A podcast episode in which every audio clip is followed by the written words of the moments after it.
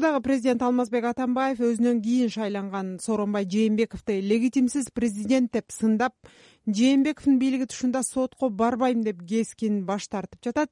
Мындай кырдаалдан кантип чыгуу керек? Бул негизи эле эгерде экс президент алмазбек атамбаев жээнбековду легитимсиз президент деп жатса бул кандайдыр бир эки миң он жетинчи жылы өткөн президенттик шайлоонун легитимдүүлүгүнө шек келтирип жатабы деген ой келтирет да бирок менин оюмча алмазбек атамбаев түшүнүшү керек. Ушул жол менен бара турган болсо шайлоого жооптуу адамдардын үстүнөн баарынан кылмыш жаза кодекси боюнча иш козголот бул баягы эле атамбаев исаков догоев жана башкалар иш жөн эле шайлоо укуктарына тоскоолдук кылуу же фальсификация боюнча беренелер менен эмес бул кадимкидей эле олуттуу беренелер менен козголушу мүмкүн. Бул кызматтык кыянаттык менен пайдаланбоо жана башка дегенчи. Андан сырткары ушул шайлоону эл аралык уюмдар тарабынан ачык жана демократиялык түрдө өткөн деген билдирмелер берилген.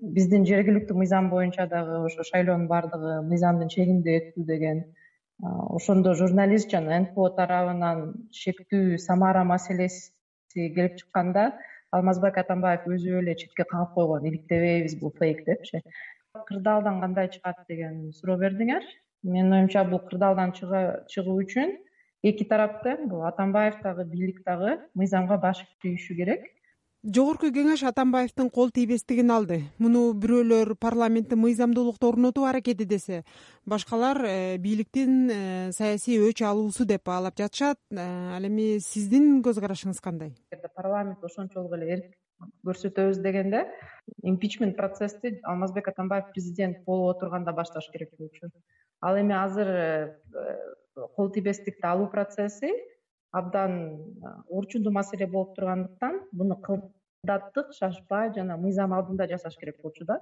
Антпесе бул баардык эле демократия толугу менен түптөлбөгөн мамлекеттерде мындай процесс бат эле укуктук процесстен саясий процесске айланып кетет да. Мен ойлойм ошо шашылыч түрдө жана процесс бузуу тарабынан азыр биз ушундай кырдаалга келип такалдык депчи. Анан мындан чыгуу үчүн эки тарап тең мыйзамга баш ийиши керек. Бийлик дагы атамбаев дагы сиз жогоруда конституциялык палата деп калдыңыз. Эгер конституциялык палата атамбаевден кол тийбестикти алуу маселесин караган депутаттык комиссиянын түзүлүшүн мыйзамсыз деп тапса анда жагдай кандай болот?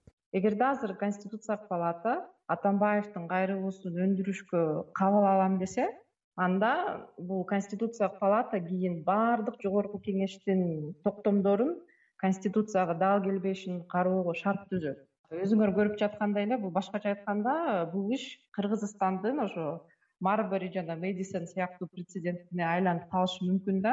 Жана конституциялык палатанын ыйгарым укуктарын кеңейтүүгө алып келиши мүмкүн. Бул жерде палата менин оюмча эки чечим чыгарууга шарты бар. Биринчи бул биз деген ушу бийлик бутактары ортосунда тең салмактуулукту сактагыбыз келип жатат. Жогорку кеңештин ички процессине эч кандай э, тиешебиз жок деп анан кайрылуусун кабыл албай деле коюшу мүмкүн. Эгерде жакшылык негиздеме берсе мындай чечим деле туура болот. Бирок ошол эле ирет кабыл алабыз деген болсо анда конституциялык палата жогорку кеңеш тараптан абдан чоң куугунтукка даяр болушу керек. Анда ошого даяр болсо биз э, эл катары дагы коом катары дагы конституциялык палатага коргоого аракет түзүшүбүз керек да ошол себептен азыр конституциялык палата баардык нерсени таразалап баланстап азыркы болгон саясий жана укуктук кырдаалды процессти эске алып мыйзамдуулукту тургузууга жана конституционализмди бекемдөөгө салым кошо турган бир чечим кабыл алат деп ойлойм. Азыр бизге мен айтып кетпедимби ушу атамбаевдин процесси саясий талаагы өтүп кетти депчи эгерде конституциялык палатаны кабыл алып кайта укуктук процесске алып келиши мүмкүн да? Кабыл алса жогорку кеңештин токтомун конституциясыз деп эсептесе анда бул процессти кайта башынан баштоого шарт түзөт да. Башкы прокурор өткүрбек жамшитов парламенттик комиссия атамбаевка койгон алты дооматтын бешөө негиздүү деп табылганын парламентте туруп билдирди. Бирок ушул жерде мыйзамдык бир чалкештик пайда болгондой. Анткени атамбаев бийликте турганда эски кодекстер иштесе э, мына быйылкы жылдын январынан бери жаңы кодекстер күчүнө кирди. Мындай шартта э, укук системасы деги эле мыйзам кандай иштейт? Эң негизги чалкечтик бул ретроактивность норма деп коет. Мыйзам артка иштебейт депчи мен билгенде атамбаев тарабынан конституциялык палатага ушул боюнча дагы арыз келип түшкөн. Жөн эле эми жогорку кеңештин токтогу эмес дагы кабыл алган кепилдик президенттин кепилдиги боюнча мыйзамдын жаңы нормалары боюнчачы алар ретроактивдүү иштебеши керек деп. Укуктук негизде кызыктуу маселе да. Анткени бул укуктук көйгөй көпчүлүгү эле эл аралык трибуналдарда жана конституциялык соттор жана жана жогорку соттордун алдында абдан көп келип түшкөн. Норманын ретроактивдүүлүгү боюнча мыйзам артка иштебейт дегенчи.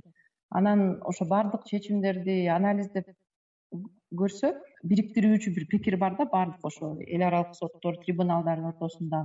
Бул алар айтышат да норма формалдуу түрдө ретроактивдүү болгону менен мазмундуу жана материалдуу түрдө ретроактивдүү эмес депчи.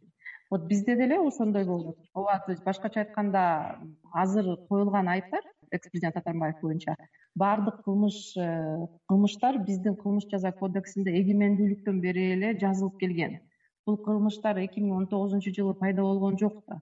Мазмун боюнча э, норма ретроактивдүү эмес. Керек болсо ошо эки миң он тогузунчу жылдык э, жаңы кодекстер боюнча нормалар гуманизация принцибине ылайык санкциялары жеңилдетилген да. Ошол себептен мен ойлойм ушул эле логиканы пайдаланып конституциялык палата чечим чыгарышы керек. Бул формалдуу түрдө ретроактивдүү бирок мазмундуу жана материалдык түрдө ретроактивдүү эмес депчи болбосо ооба бул ретроактивдүү анан кол тийбестиги эч качан ажыратылбайт десе анда бул экс президент атамбаевка тиештүү кепилдик мыйзам бул индульгенцияга айланат да бул деген пожизненный иммунитет дегендейчи андай дагы болбойт